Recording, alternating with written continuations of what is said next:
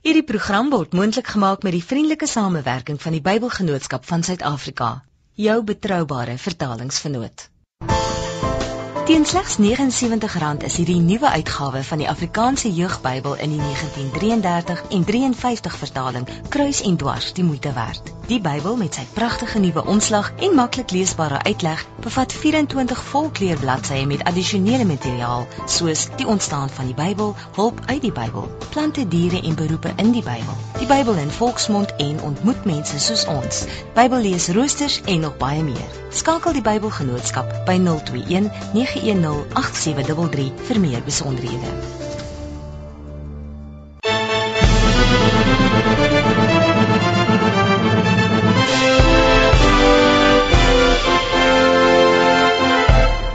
Goeienaand van my Johan Simington. Jy's ingeskakel op Kruis en Dwars jou in diepte godsdiens gespreksprogram op RSG 100 tot 104 FM. Hemelvaartsdag val 10 dae voor Pinkster. En vanaand is ek bevoorreg om albei my gaste in die ateljee te hê om oor die gebeurtenisse van die hemelvaart te gesels. Welkom dan aan albei van julle, professor Bernard Kombrink van Stellenbosch en dokter Isak Burger, president van die Verenigde AGS van Suid-Afrika. Baie dankie, dis 'n voorreg om saam te wees, Johan. Dankie. Hemelvaart beteken in die Christendom die terugkeer van Jesus van Nasaret na sy Vader toe in die hemel. Die Lukas Evangelie en die Handelinge van die Apostels vertel die verhaal van hoe Jesus na die opstanding verskeie kere aan sy apostels en volgelinge verskyn het en na 40 dae vaar hy op na die hemel en sien sy volgelinge hom nie meer sigbaar met die oog nie. Nou Bernard, as ons na die verhaal kyk en luister, hoe moet ons daaroor dink? Wel, ek dink ons moet besef dat in die Bybel word daar op verskillende maniere oor die hemel gepraat. En in die eerste plek sou mens kon sê die hemel is eintlik uh lewe by God. God was altyd in die hemel nog voor die skepping van die hemel en die aarde. Hemel is dus eintlik die ruimte waar God is, waar hy teenwoordig is. Hemel is ook uh die ruimte waar engele en ook mense uh by God is en waarvan ons in 'n sekere sin nou reeds 'n voorsmaak kry wanneer ons die ewige lewe reeds kry in Christus maar wat natuurlik in die volëinding op 'n bepaalde wyse wat vir ons moeilik is om presies te verduidelik ook aanbreek. Maar dan praat die Bybel natuurlik ook oor die hemel as as dit wat ons bokant ons sien en wat natuurlik ook onder ons is as mens nou daarin bewus is dat die aarde rond is. Maar daar daar is ook iets daarin dat as jy na die hemel kyk, dan is dit in 'n sekere sin iets amper van die ewigheid wat jy sien, iets van die oneindigheid wat ons met die blote oog sien, maar as jy nou regtig in 'n planetarium ingaan en as die sterrekundiges so iets laat begin sien van die heelal en jy begin besef hoe hoe klein is ons eie sonnestelsel watter spikkeltjie in 'n melkweg en hoe ons melkweg inpas in nog 'n groter heelal dan uh, besef mense dat as ons van die hemel praat dan met verskillende dimensies verwys jy eintlik maar na God se ruimte. Ek dink wanneer ons praat oor Jesus se hemelvaart, dan beteken dit eintlik in die eerste instansie dat Jesus terugkeer na sy Vader toe, na daar waar God is. Jesus is nie 'n ruimtereisiger met sy hemelvaart nie. Jesus gaan na sy Vader toe. Dis 'n verandering in die modus van sy teenwoordigheid, die wyse waarop hy gedurende sy aardse lewe en ook na sy opstanding vir die 40 dae hier op aarde tussen mense was en na die opstanding van tyd tot tyd verskyn het. Daar is dus 'n verandering in die wyse waarop hy by ons teenwoordig is. Maar uh, ek wil sommer nou al sê want ek is eintlik bang ek vergeet dit uh, te handelinge. Dit het my nogal opgeval dat waar Stefanus uh die verhoogde Here sien wanneer hy gekruisig word. Wanneer Jesus aan Paulus verskyn, dan is Jesus wat opgevaar het na die hemel is eintlik op die Damaskuspad. Hy praat met Paulus en hy sê Paulus, maar dis vir my wat jy vervolg. En later getuig Paulus ook van hierdie verskyning aan hom. So ek dink ons moet 'n bietjie versigtig wees uh uit die aard van die saak. Die die wyse waarop die Bybel praat in die tyd van die Ou en die Nuwe Testament is in die beeld van die van die wêreldbeeld van daardie tyd, hoe mense in daardie tyd gedink het oor oor die aarde, oor die hemel, oor die wêreld onder die aarde en so aan. Maar uh wanneer ons dus dit sê, dan beteken dit nie dat ons daarmee uh sê die hemel is nie 'n werklikheid nie, want waar God is, daar is die hemel. Isak, hoe sou jy dink moet hou die manier waarop die Nuwe Testament na die Bybel kyk of na 'n wêreldbeskouing het oor die drie lae? Sou mense dit kon aanpas en sê ons kyk nou anders daarna, maar die betekenis is inderdaad soos Bernard sê dat dit beteken dat Jesus by God is. Ja. Johan, ek is ek is baie gemaklik met uh, Bernard se uiteensetting. Uh, ek dink die realiteit is wat ons besef dat ehm um, ons is ons is deesdae so materialisties wetenskaplik georiënteerd en die wetenskap uh, werk met met met 'n sigbare, 'n sintuiglike wêreld. En die, en die feit is wat ons uit die Bybel baie duidelik leer is dat daar is ook 'n ander wêreld. Ek meen Paulus verwys selfs in Kolossense 1 verwys hy na die sienlike en die onsienlike. En as hy praat in Efesiërs 6 van die inwoners van hierdie in die lig noem hy dit daar is dit is 'n deel van hierdie geesteswêreld. Dit dit is net so werklikheid as die sintuiglike wêreld alhoewel die wetenskap dit nie in 'n proefbuis kan sit en in 'n laboratorium kan ontleed nie maar dis die wêreld waar die geestesdimensie van ons van ons menswees en uh, waar God ook woon en werk. En God is is nêrens 'n gevangene nie. Die skepper is nie 'n gevangene binne sy eie skepping nie. Hy's hy's in die geesteswêreld en waar dit hom pas kan hy deur die dimensionele skeiding van die geestelike en die sigbare breek en homself openbaarheid in die Ou Testament talle kere gedoen deur engele deur die engel van die Here die tweede persoon in die godheid. So as as as hy praat vanuit opgevaar uit hulle sig uit verdwyn, dan moet ons nou nie, jy weet, soos wat Bernard regte kenne gegee, dink in terme van opstygse warmlugballon en uh, soveel duisend kilometers van die van die aardbol is die hemel nie, want dan besef mense dit sou in die ou in die Ou Testament hiersof in die, in die ou tydse wêreldbeeld sou daai begrip sou dit verstaan het. Maar ons weet vandag dat dit is dit dit maak nie sin nie. Die, ek ek glo my hele hart die hemel is 'n plek maar is nie 'n plek wat ons in terme van geografiese definisie kan belyn en, en omskryf nie. Dis 'n plek in 'n ander dimensie.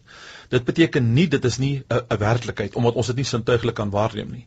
Dit is net so groot indien nie 'n groter werklikheid as as wat ons in die sintuiglike wêreld kan waarneem nie. Jy weet selfs goed wat in in terme van die Ou Testamentiese godsdiens mettertyd in, in sigbaar geopenbaar is, soos byvoorbeeld die tabernakel of die tempel, was dinge wat in 'n geesteskonteks en 'n geestesdimensie reeds bestaan het voor dit uh, fisies sigbaar geword het.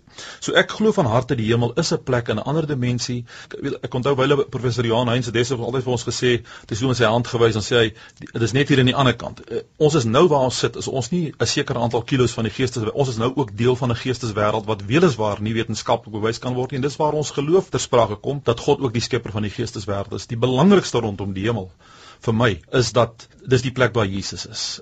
Ek sien 'n seentjie dit nou eendag het hy die hemelvaart beskryf dit sê Jesus het deur die ozonlaag geduik. so eers probeer ons altyd hierdie goeters met mekaar versoen. Wanneer as ons na die Nuwe Testament toe gaan, is daar verskillende verhale oor die opstanding. Uh, hoe verskil die evangelies van mekaar? Ja, dis interessant uh Johan as 'n mens nou letterlik gaan soek in die Nuwe Testament, is dit eintlik net in Lukas en Handelinge. Hmm wat jy pertinente verwysings terminologies na die hemelvaart kry. Uh en ek ek sal daaroor 'n bietjie wil praat, maar dan wil ek net dadelik sê dat in 'n sekere sin veronderstel eintlik die hele res van die Nuwe Testament tog Jesus aan die regterhand van die Vader al word die term van hemelvaart nou nie in al die ander boeke en in al die ander briewe gebruik nie. Dis wel baie interessant. Uh, ek dink en, en hier moet ons ook dink ek elkeen van die twee geskrifte Lukas en Handelinge wat van dieselfde outeur afkomstig is.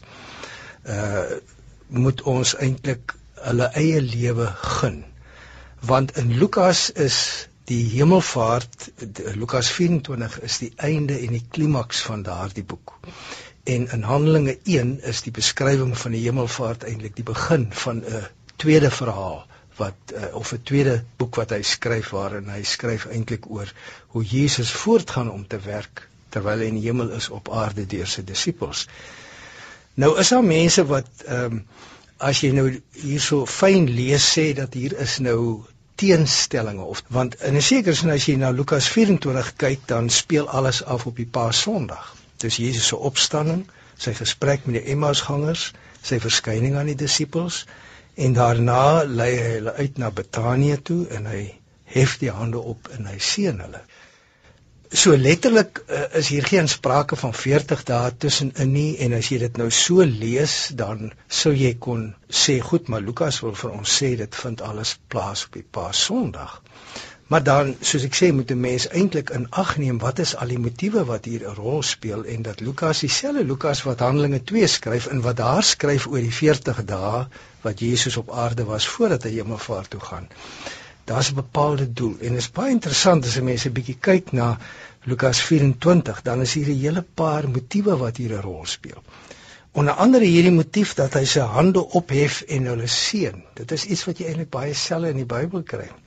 Jy kry eintlik in Levitikus 9 die verwysing na die hande wat opgehef word en opgelê word op mense, maar jy kry dit ook in een van die ou boeke die wysheid van Jesus Sirach wat hier ontstaan in die tyd net voor die Makkabeese opstand en wat eh, 'n uh, wysheid geskryf was wat deur die Jode en die vroeg-Christelike kerk baie baie goed bekend was.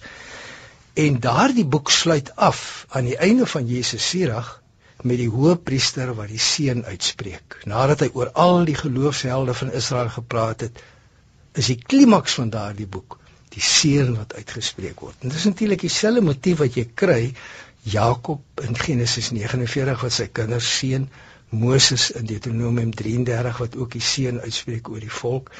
So in 'n sekere sin is Lukas hier besig om nadat hy die lewe van Jesus vir ons in sy eerste verhaal vertel het, eintlik hierdie klimaks van Jesus, die seun van God na sy opstanding wat opgeneem word na die hemel en as hy hier opgeneem word dan seën hy die volk. Nou ons kry natuurlik in die Ou Testament ook ander kere hierdie motiewe van die opneem Henog Genesis 5 en ook Elia in 2 Konings 2.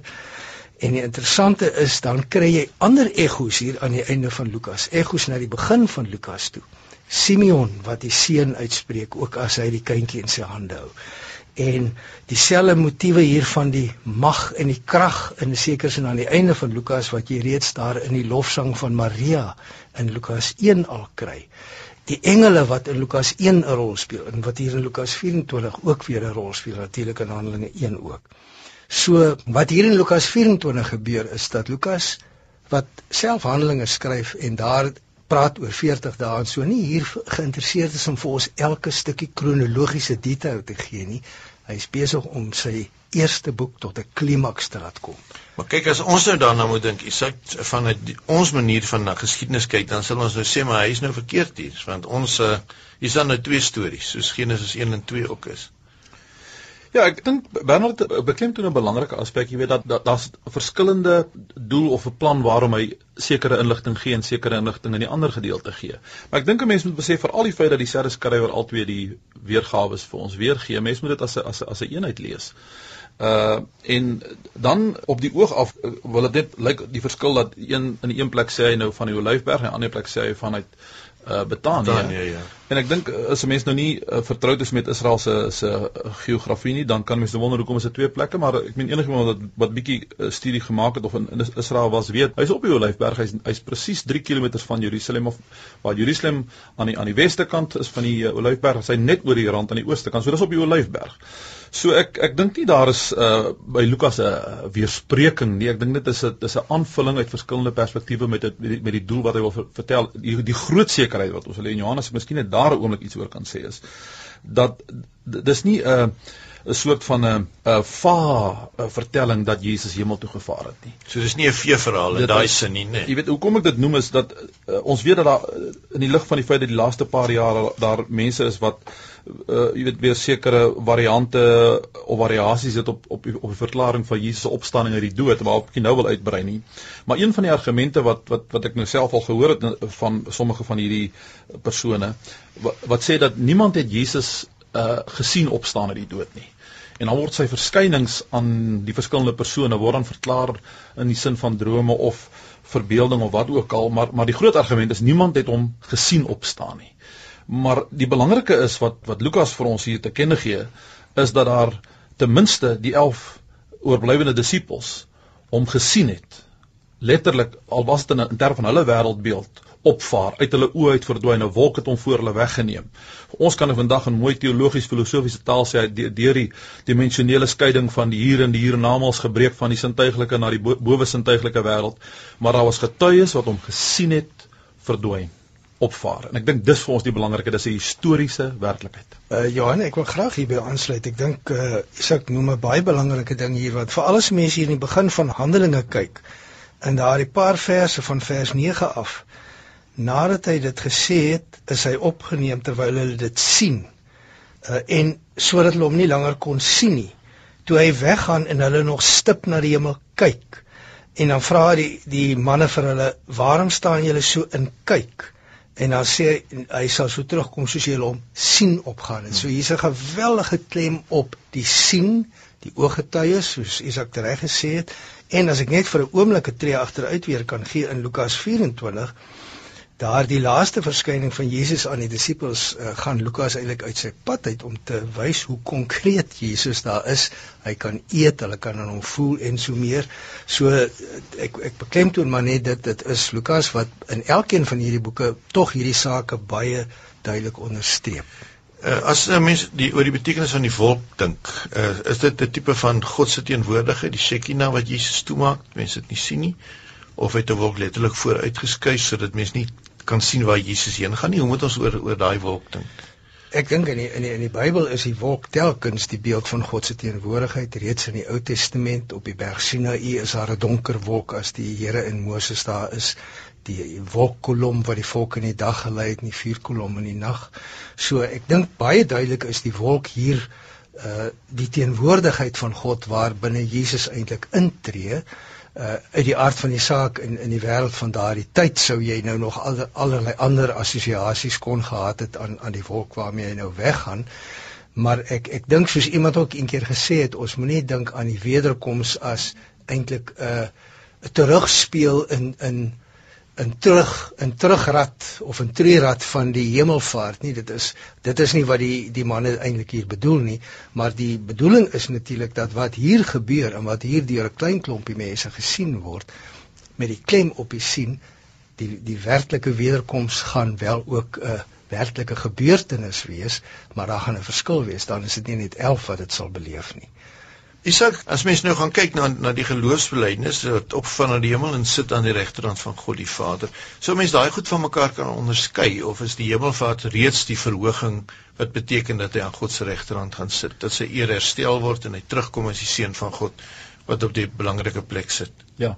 Kyk op verskillende plekke in die in die in die briewe van die Nuwe Testament se skrywers word verwys na eh, Christus as 'n heerlikheid of wat hy in die heerlikheid opgeneem is of van die verheerliking van Christus. Uh, sy verheerliking uh het begin met die oomblik van sy opstanding of die opwekking uit die dood. Uh ek meen die die graf was die was die finale kan ons sê fase van sy van sy vernedering. Daar het die kentering gekom. So sy verheerliking begin by die opstanding uit die dood. Um en daarna die die die triomfantelike wyse waar hy op verskillende verskyn het. Die volgende fase is natuurlik die opvaar na die hemel. Dis dis deel van die verheerliking van God wat sy klimaks bereik. Jy weet die Bybel gebruik verskillende terme. Ek dink nou aan Hebreërs, die Hebreërs skou wat praat van hy die hemele deur gegaan. Uh hy, hy's verhef bo al die hemele. Verskillende terme om vir ons te sê hoe uitermate God hom verhoog het. As jy net dink aan Filippense 2 dat God hom uitermate verhoog het. So as ons praat van die verheerliking is dit is dit meer as net 'n insident. Die die die klimaks is die uitdrukking aan die regterhand van God wat ons weet reg deur die Bybel spreek van die hoogste plek van eer en erkenning en verheffing. Uh, maar dis 'n proses van die oomblik van sy opwekking uit die dood totdat hy uh uiteindelik kom waar hy waar hy was en nou ook as die een wat die volle prys betaal het, die volle die volle missie voltooi het en wat in die posisie is en ek sal graag te gelegenheid tyd iets daaroor wil sê waar hy die Heilige Gees, die derde persoon die godheid van die Vader as dit ware ontvang uh en uitgestort het op die kerk en steeds in ons lewens uitstort. Bernard in die gereformeerde tradisie as ek dit reg het, is die hemelvaart eintlik 'n baie baie belangrike ding. Hoekom sou dit wees terwyl jy by jou ortodokse kerk toe miskien meer na die kruisiging sou kyk? Kan jy net so tussenwerpseltjie maak? Hmm. In aansluiting by wat Isak nou gesê het, as 'n mens dink aan die ou kerklike geloofsbelijdenis, dan is dit interessante alles is in die verlede tyd wat gebore is, gekruisig is, opgestaan het en die een wat in die teenwoordigheid is en wat sit aan die regterhand van God die Vader. So dis 'n geweldig belangrike ding dat Jesus na sy hemelvaart in die teenwoordige tyd nou as die lewende Here sit aan die regterhand. Maar in die tradisie, ek ek het nogal gedink daaraan toe ek nou 'n bietjie gedink het oor ons gesprek vandag dat toe ek 'n student was, destyds het ons altyd in Pretoria die sogenaamde Fonteine konferensie gehad op Hemelvaartdag. En dit was om al hierdie lyne saam te trek van Jesus se hemelvaart, maar ook van sy uitstorting van die Heilige Gees. Dit is die begin van die Pinkstertyd, van die Pinksterbidure en so meer. En ek dink dat die hemelvaart veral ook hierdie gedagte van die koningskap van Christus sy heerskappy, hy wat as hoëpriester in die hemel sit om vir ons in te tree, maar hy wat oorwin het en aan wie alles onderworpe is totdat hy dit volgens 1 Korinte 15 weer aan die Vader sal onderwerp.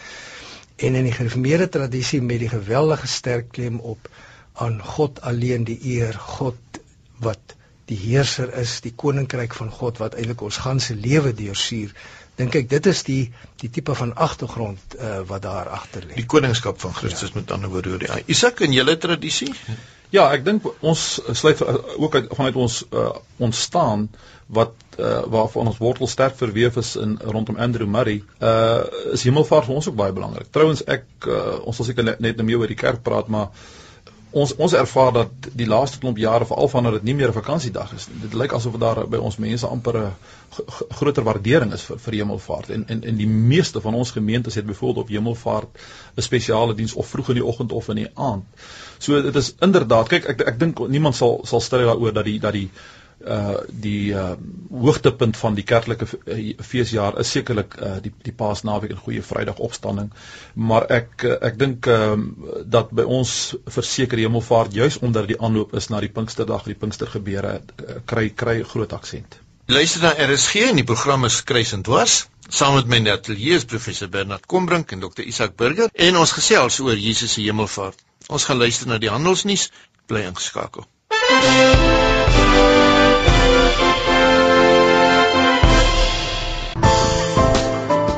Besoek www.bybelgenootskap.co.za vir gratis selfoonbybels, gratis Bybelhulpmiddels vir gerieflike Bybelaankope en kopkrap Bybelvasvra vir die jongste Bybelgenootskap nuus en om Bybelwerk te ondersteun.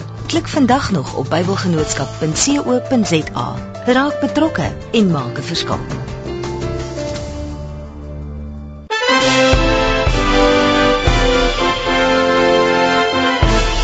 Jy is ingeskakel op RSG en vanaand in Kruisendwars gesels ons oor Jesus se hemelvaart en wat dit vir Christene beteken. My gaste is professor Bernard Kombrink van Stellenbosch en dokter Isak Burger van die AGS. Isak, net voordat ons uh, die vir die handelspreek gegaan het, het jy 'n uh, interessante ding gemaak van dat hemelvaart nou nie meer 'n publieke vakansiedag is nie. Is dit asof mense 'n groter waardering het vir die dag en baie meer moeite doen eintlik om 'n diens van so 'n aard by te woon. Ek dink ons het tot 'n groot mate ons waardering vir die hemelvaart en dit wat daar volg die volgende paar dae het ons te danke aan ons uit ons ontstaan met die uh, NG Kerk en spesifiek Andrew Murray met die Pinksterbidure wat daar begin het. Ek ek dink uh, die NG Kerk en die AG spesifiek is ek dink van die weinige kerke in Suid-Afrika wat spesifiek die Pinkstertyd ten minste 'n deel van daai 10 dae ook uh, Pinksterbidure hou waar 'n mens deels vier dat Jesus uh, nie net opgestaan het nie, maar ook verheerlik is aan die regterkant van die Vader, maar dat hy nie net teruggegaan het nie. Daar's 'n groot ding wat ek dink ons moet beklemtoon, dis dat hy vir sy disippels by voorbaat gesê het in Johannes 14 en verder dat dit uh, vir hulle eintlik voordelig is dat hy teruggaan. Uh want as hy nie gaan nie, sal die Heilige Gees nie na hulle kom nie en ons weet dat uh ook die vervulling van Johannes uh is dit Johannes 8 waar hy van praat van op die laaste dag van die fees uh, wat hy spesifiek verwys dat die Heilige Gees in sy Nuwe Testamentiese Pinkster dimensie nie sou kon kom as Christus nie verheerlik word nie. Ek dink dis 'n kernteks. Uh daar kon geen Pinkster wees as daar nie 'n Golgotha was nie. Uh daar kon nie 'n verheerliking wees voor daar nie die uiterste vernedering was nie. Maar hy uit uit uit daai pad geloop, uit die prys betaal en Jesus se voetspore as dit ware hou nie op by die kruis nie, hou nie op by die graf nie uh jy jy jy jy sien hom weer, jy hoor weer van hom uh, in in Handelinge 2 waar Petrus aan aan die uh skare op Pinksterdag verkondig uh in in vers 33 en 34 dat hierdie Jesus wat hulle gekruisig het, het God verhef aan sy regterhand of verhoog en hy het nou die Heilige Gees van die Vader ontvang wat hy op julle uitstort wat julle sien en hoor en dit was vir die vroeë kerk. En ek wil sê ook vir my en vir ek dink baie baie gelowiges vandag is dit 'n ontsettend belangrike waarheid dat die werklikheid van Pinkster en dat die vervulling met die Gees en die Pinkster ervaring nie net 'n stuk geloofsbelijdenis is nie, maar 'n persoonlike ervaring. Is vir, is vir my persoonlik, laat ek maar na van my persoonlik praat. Is vir my persoonlik, al is dit subjektief, is dit 'n persoonlike getuienis en 'n bevestiging Jesus het regtig opgestaan en hy het regtig na die hemel toe opgevaar. Uh In die eerste plek omdat ek die Bybel glo en omdat daar getuies was wat dit gesien het. Maar in die tweede plek omdat my ervaring in lyn is met die ervaring van mense op Pinksterdag. Want op Pinksterdag was daar sekere duidelike getuienis. Hy sê spesifiek wat julle nou sien en hoor. Daar was tonge van vuur, daar was 'n rukwind, daar was mense wat vervul is met die Gees en in ander tale gepraat het. My ervaring strook met die van die gelowiges in die oppersaal. Daarom vir my persoonlik is dit net 'n addisionele bevestiging van die waarheid van die skrif. Pinkster sê vir my die die ervaring van die vervulling met die Gees sê vir my Jesus het regtig opgestaan en elke keer as nog 'n gelowige kan getuig van die vervulling met die Gees, is dit net 'n addisionele bevestiging. Hy het regtig opgevaar na die hemel, hy is verheerlik. Hoe dink julle moet ons as Christene kyk na die dag wat nou eintlik nie meer 'n publieke dag is nie? Ek hoor Isak praat van dienste in die oggend en in die aand. Ek dink meeste gemeentes doen dit, maar hoe moet mense oor die dag spesifiek dink? Is dit 'n Sabbatsdag of hoe is dit, Bernard? Wel, ek ek herinner my toe ek in Nederland studeer het, was dit in sekere sin byna 'n bietjie van 'n skok toe ek nou daar kom en agterkom Hemelvaart is nie 'n openbare vakansiedag soos hier by ons nie. Maar uit die aard van die saak was daar nie aanddienste en toe ek ook maar 'n bietjie begin dink oor die ding en begin besef dat by ons eh, as 'n mens nou maar dink aan eintlik die die tragiese wil ek byna sê werklikheid van baie mense se paasnaweekvierings. Uh, ek ek wil nou nie eers oor die sterftes op die paaie praat nie. Maar dit word 'n lang naweek en uh dan word daar min van die kerklike viering van die werklike groot fees van Paasfees. En in die verlede met Hemelvaartsdag dink ek was dit ongelukkig dikwels ook so dat sommige gelowiges dit nou maar liewer staan as 'n vakansiedag en as 'n lang naweek gebruik het, nog 'n ekstra dag verlof ingesit het. Terwyl ek dink die feit dat dit nou nie 'n openbare vakansiedag is nie, gee vir ons die geleentheid om werklik dan as gelowiges wat erns maak met met kerklike feesdae, die dag op die regte wyse te kan vier. Selfs al gaan jy werk toe, deur in jou werk te leef uh, as iemand wat weet Christus het opgestaan en hy het opgevaar, maar dan is daar steeds uit die aard van die saak die geleentheid in die aand. Jy stel 'n interessante vraag of mense eh, die dag uh, verlofpoort te neem.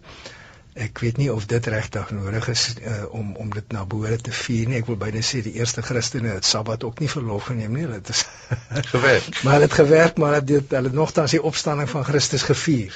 En in werklikheid dink ek sê julle altyd dat dit die verantwoordelikheid by die individu nou bietjie groter maak want hy moet op, uit homself 'n keuse maak oor wat hy met die dag gaan doen en hoe hy dit gaan spandeer. As ons kyk na die vieringe van Hemelvaart, hoe vier julle in in die Pinkster tradisie Hemelvaart? Dit is 'n gewone kerkdiens by die meeste van ons gemeentes. Baie gevalle sal gemeentes bymekaar kom en so van 'n kleiner tipe konferensie byeenkoms hou met die fokus in die terme van die liedere, die aanbidding of gebede en ook die boodskap natuurlik op die Hemelvaart. Wat het Jesus alles bedoel met die feit dat hy gesê het hy dis vir ons beter dat hy weggaan. Hy gestuur vir ons 'n ander trooster of 'n ander een wat saam met ons die pad sal loop maar dit lei ook die belangrike 10 dae aanloop na Pinkster Sondag in. Jy weet 'n mens gaan nie net die fokus hou op die, op op op Hemelvaart nie, jy gaan ook begin voordeur kyk want jy weet vir my is baie belangrik dat ons besef Jesus se werk in sy disippels was nie in 'n sekere sin afgehandel met die opstanding uit die dood nie. Andrew Murray maak baie daarvan. Uh, hy sê hy het baie gewonder gedink oor oor die kruis en oor die opstanding. Hy het gevoel daar kom iets kort tot hy besef het. Maar maar dis dieselfde Jesus Christus wat gekruisig was, wat begrawe is, opgestaan het, wat wat 50 dae later die Heilige Gees uitgestort het uh, in die bovertrek. En en die kerk was nie eers uh, het nie 'n mandaat gehad, hulle was nie eens toegelaat volgens hierdie selfde Lukas 24 om te begin met met hulle hulle kerkprogram en hulle kerk eh, kerkbouprogram voordat die Pinkster gebeur in die plase vind dit nie. En Jesus se hemelvaart het het het het uh, daai 10 dae in uh, inleidende voorbereidende uh, periode ingelei. Eers na die Heilige Gees uitgestort het, kon die kerk uh, uitgaan uh, en doen waarvoor hulle geroep was om te doen. Bernard sal mense in 'n gereformeerde tradisie ook die hemelvaart en die uitstort van die Heilige Gees so koppel aan mekaar. Uit die aard van die saak, ja. Uh, ek wil weer teruggryp na waarna ek vroeër verwys het e Elisa en Elia. Toe Elia op die punt was uh, om weggeneem te word, het Elisa gesê maar hy wil hom nie laat gaan voordat hy vir hom 'n dubbele deel van sy gees gee nie. En in 'n sekere sin is dit presies wat gebeur met met Hemelvaart en met Pinkster. Uh die Die Here het vir sy disippels reeds in sy tydens sy lewe gesê hulle sal groter werke as hy doen die hele boek Handelinge gaan eintlik oor en eintlik moes die titel van Handelinge gewees het die, die Handelinge van die verhoogde Jesus Christus deur hmm. die apostels. Die boek Handelinge gaan oor wat Jesus aan die doen is in die wêreld. Maar die punt is, hulle hy gee vir hulle opdrag om dit te doen. Isak het reg gesê hulle moes wag tot die, die Heilige Gees uitgestort is, maar daarna moet hulle uitgaan en moet hulle gaan verkondig. En in 'n sekere sin word die boek Handelinge miskien juis geskryf om vir vroeë Christene wat so eintlik behep was met die wederkoms en wat sit en wag het vir die wederkoms en uitgekyk het na die wederkoms plek van hom eintlik te doen wat die kerk behoort te doen dat hierdie boekhandelinge wil juis eintlik weer onderstreep maar die kerk moet uitgaan en dit moet steeds die een grens na die ander oorskry. Dus ek dink uh, in die gereformeerde tradisie is daar geen geen twyfel daaraan dat hier 'n onlosmaaklike band is tussen Jesus wat verhoog is, opgevaar het, opgeneem is, verhoog is in die regterhand van die Vader en inderdaad ook soos Efese sê al hierdie gawes uitgestort het. En wat is daai gawes volgens Efese 4 dis juis die die die ampte die bedieninge in die kerk om die kerk toe te rus om die kerk se dienswerk te gaan doen om hierdie werk van Jesus op aarde te doen want ons is nou sy hande en sy voete terwyl hy in 'n ander modus is maar hy steeds ook by ons is deur die gees. Johannes ek miskien net kan kan ja, uitloop daai weet 'n mens kan hom dink as as die belofte van die uh, uitstorting van die Heilige Gees en die Pinkstergebeure nie deur Jesus gemaak is nie sou dit dan 'n traumatiese belewenis gewees het vir die disippels om die een aan wie hulle lewe so verknog geraak het en gedraai het rondom vir 3 en 'n half jaar skielik nou weggeneem word en hy's nie meer daar nie. Maar maar dit was Jesus uitdruklike op, opdrag aan gaan wag in Jerusalem totdat julle aangedoen is met krag uit die hoogte. So ek dink daai belofte wat wat hy selfs na Handelinge 1 ook vir hulle gegee het, nê. Nee, uh met die doel julle sal krag ontvang as die Gees oor julle kom.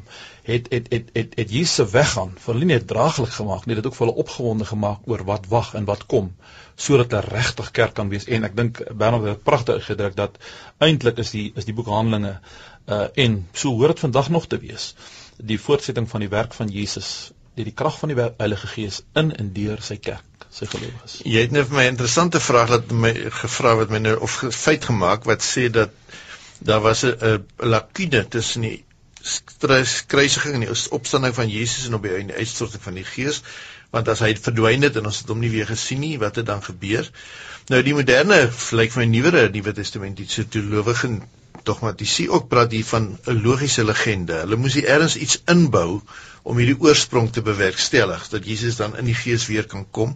Wat sal julle daarvan maak? Ja, die aard van die saak dink ek gaan julle sê dit is nie so nie, maar ek hoor Ja wel, ek dink wat jy die verskynsel waarna jy verwys uh, Johan laat my dink aan aan die disippels wat nou maar naderhand weer gaan visvang het. Beter is gesê ek is nou moeg gewag. Ek gaan nou maar visvang. Wie wie wie kom saam met my visvang? En hulle is toe so besig om weer met die gewone wêreld besig te wees dat hulle nie vir Jesus op die strand herken nie totdat uh, uiteindelik hulle eers begin saam eet en hy die brood breek vir hulle. So nee, ek uh, ek ek sal nie graag hier van 'n logiese legende wil praat nie. Ek sal maar net wil praat daarvan dat dit dink ek is hoe die heilsgeskiedenis, die geskiedenis van die heil wat deur Jesus vir ons gebring is, ontvou dat wanneer hy opvaar na die hemel dan is dit inderdaad in 'n ander modus. Hy beloof aan Matteus 28 ek is met julle. Maar dit is dit is dieselfde terminologie van God wat reeds in die Ou Testament sê ek is met julle. En wat Jesus is Immanuel God met ons. En wanneer hy uiteindelik na sy mensheid hemel toe gaan en daar by God is dan is hy nog steeds met ons uit die aard van die saak spesifiek deur die werking van die Heilige Gees. Isa?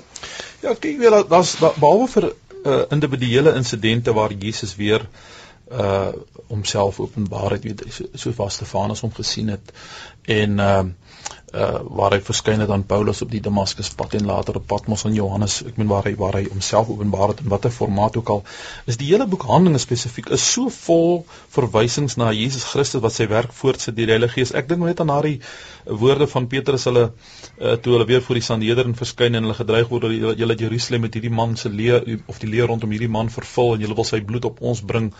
En dan sê dan sê hulle van ons is getuies van hierdie dinge. En dan maar dan sê hulle ook en ook die Heilige Gees wat God gegee het aan die wat hom gehoorsaam is. So die Heilige Gees het onmiddellik in Handelinge voort te gaan met dit wat Jesus gesê het in Johannes 4, nou, hy sal van my uit my neem en aan julle verkondig.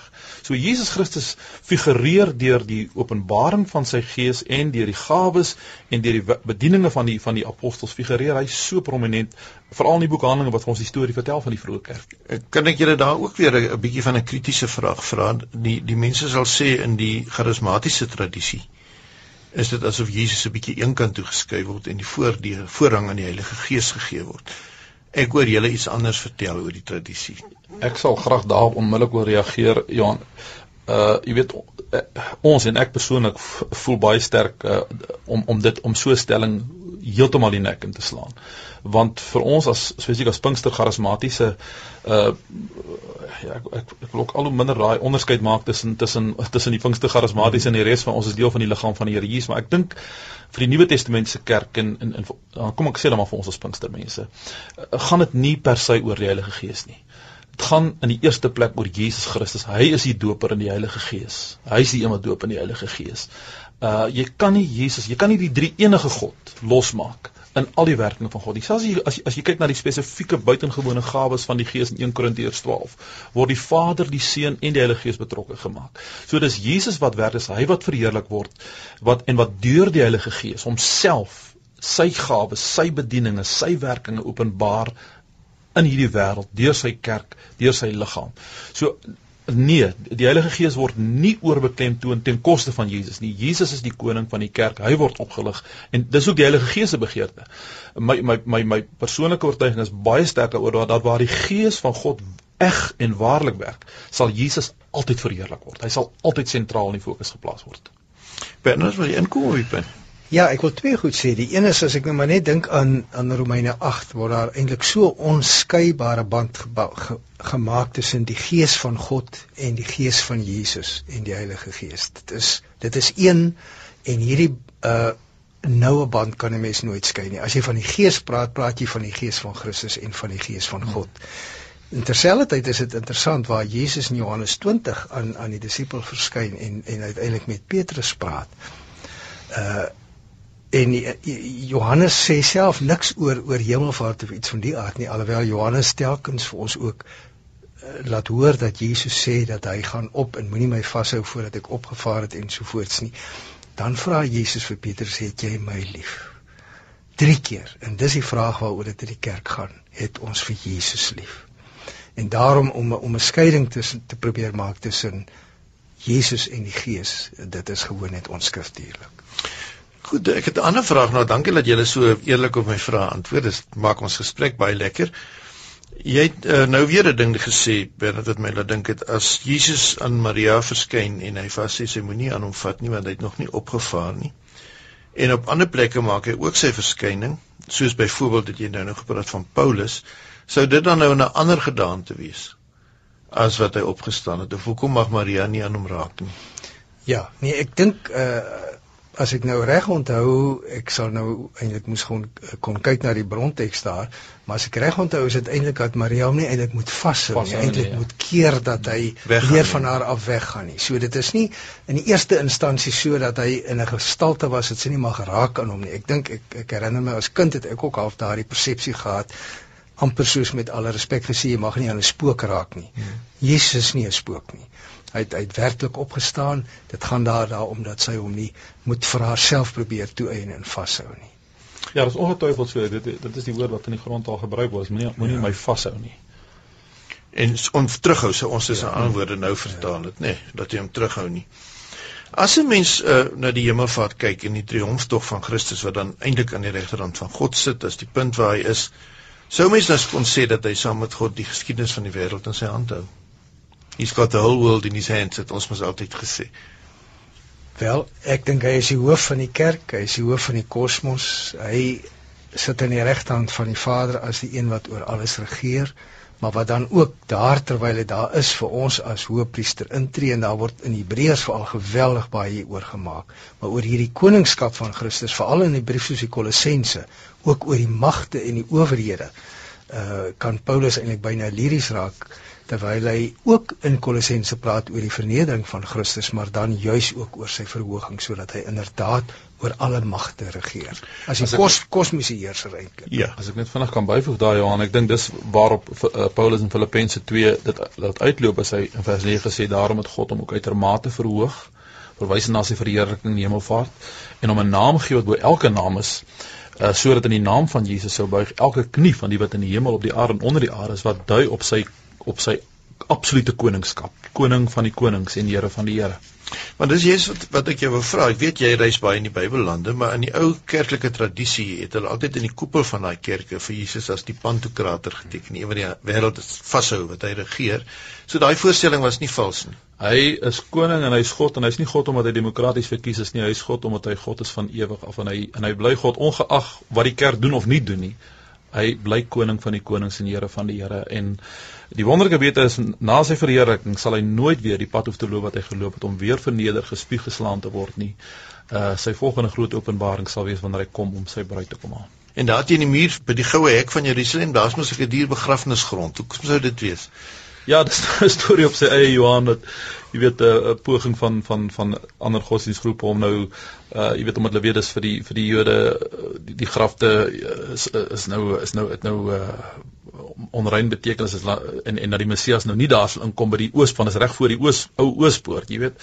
Maar nou ja, nou weet ons dit is nou 'n baie menslike redenasie uh, wanneer Jesus kom. Uh, ek ek dink ek dink die Bybelskryf probeer dit bes om in aardse taal idioom te beskryf van die van die glorieryke triomfantelike terugkoms van Jesus. Feit is toe hy gekom het na hierdie aarde toe, het hy gekom deur die skoot van 'n vrou en was afhanklik van in 'n sekere sin van die wil van van die mens uh, hy hy's gebore uit 'n mens, maar as hy as hy terugkom, kom hy nie weer die skoot van 'n vrou nie, hy kom weer die wolke van die hemel en hy gaan hy kan op geen manier beperk of gestuit word nie. Dis amper hoe die hoe die vroeë disippels gedink het hy gaan kom net, omdat hulle die vroeë verwagting gehad het dat hy dan sigbaar weer sal kom.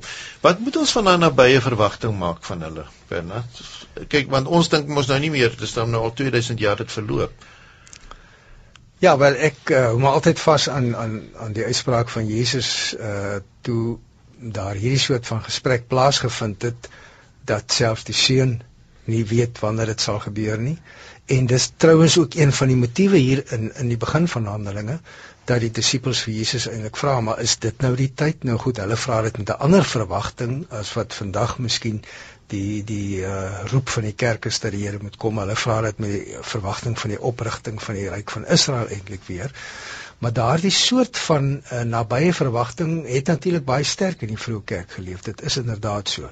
Maar in 1 Tessalonisense dink ek praat Paulus dan ook baie sterker oor dat hy eintlik vir die mense daarop wys uh, ons moet aangaan met ons lewe. Ons moet uh trouens heelwat van Christus se gelykenisse ook aan die einde van Matteus het juis daarmee te doen dat terwyl aan die een kant ons gespanne op die Here moet wag, moet ons aangaan met die lewe, moet ons aktief werk, moet ons soos soos daardie uh, gelykenis van die maagde en en die arbeiders moet ons werklik werk en opdrag wat hy vir ons gegee het uitvoer. En dit lyk vir my asof die sewe briewe aan die gemeentes Isak daarbey aansluit, nê, nee, dat Jesus se opvaarding beteken dat ons moet wag hy kom en in daai tyd is daar sekere versoekings, sekere goed wat ons mee te doen gaan kry soos vervolging. Uh daai wagperiode waarin ons Christen is, maak ons genoeg daarvan. Ek dink dis 'n dis 'n dis 'n dis 'n billike vraag Johan. Ek dink elke kerk en elke gemeente en elke gelowige moet vir homself seker rekenskap daaroor gee. Uh die feit is net uh ek is ek is nog hier en ek het eendag so uh, mooi uitdrukking gehoor van iemand wat gesê hy het uit, uitgevind 'n mens kan lewe so lank as wat jy wil. Hy het besluit te lewe tot hy doodgaan. Party ouens sou op lewe lank voor hulle doodgaan. Ek ek wil lewe, voluit lewe vir Christus. Ehm uh, die feit van die saak is al kom die weder al vind die wederkoms nie plaas uh in my en jou leeftyd nie. Uh die dag as ek en jy sterf en ons gaan sterf, uh ek dink jy het nou 'n uitsondering gemaak met Henog en Elia, ek weet nie wat my en jou kans is nie, maar uh feit die dag as ons sterf gaan ons in elk geval by hom wees en dit is dis die heel belangrikste. Bernard, jy wou nog iets uit Kolossense vir ons aangehaal. Ja, man, weet jy, jy het nou gevra oor die uh, heerskappy van Christus en hier is tog daarom die verse wat vir my so aangrypend is, Kolossense 1 vers 15, die seun is die beeld van God van God wat self nie gesien kan word nie. Die seun is die eerste verhewe bo die hele skepping. God het deur hom alles geskep wat in die hemel en op die aarde is. alles wat gesien kan word, alles wat nie gesien kan word nie. Konings, heersers, maghebbers, gesagvoerders, alles is deur hom en vir hom geskep. En dan hy is die hoof oor dit alles, maar hy is ook die hoof van sy liggaam van die kerk. Goed, ek ek gaan vra dat jy vir ons afsluit met 'n met 'n laaste teksgedeelte wat vir my soort van dink ek in die Nuwe Testament 'n opsomming is van wat die eerste Christene geglo het, heel waarskynlik daaroor. 1 Timoteus 3 vers 16. Ja, eh, kyk dis dis dis 'n samevatting van die hele uh uh kan ons sê die inkarnasie die vleeswording van Christus uh jy weet die die uh, verborgenheid van die godsaligheid die misterie rondom God wat uh, mens geword vlees geword het geopenbaar in die vlees geregverdig in die gees verskyn in die engele verskillende aspekte van sy aardse bediening maar hy eindig om deur te sê wat opgeneem is in die heerlikheid. En ek dink dit dui onteenseglik op die hemelvaart waaroor ons hier praat. En uh dit is vir my net belangrik as ek daarmee kan afsluit van my kant af Johan. Ehm um, ons kan dit as 'n historiese werklikheid aanvaar sonder twyfel as gelowiges. Die vraag is net wat wat wat het, wat beteken dit vir my as gelowige vandag? Net soos wat dis wonderlik dat hy het gesterf 2000 jaar gelede, maar wat het sy sterwe vir my beteken? Uh, het ek het ek die vrug en die en die, die seën van sy sterwe en opstanding ervaar en die feit dat hy hemel toe gevaar is verheerlik is, 'n koning van die konings is, is hy ook koning in my lewe, het hy my ook gevul met sy Heilige Gees. Baie dankie. Ons tyd is ongelukkig klaar. Ek dink 'n mens sou kon saamvat dat daar baie dinge in hierdie wêreld is wat Christene kan ontsteel, maar ons moet nog steeds weet dat Jesus tree vir ons in, dink ek Bernard, aan die regterhand van God en dat sy koninkryk gebou word en dat hy kom op die wolke. Baie baie dankie aan my twee gaste, professor Bernard Kombrink van Stellenbosch en dokter Isak Burger van die AGS in Johannesburg. Isak, dit was lekker dat jy by ons in die Kaapeslag kom kuier het. Bernard, dankie dat jy hier was.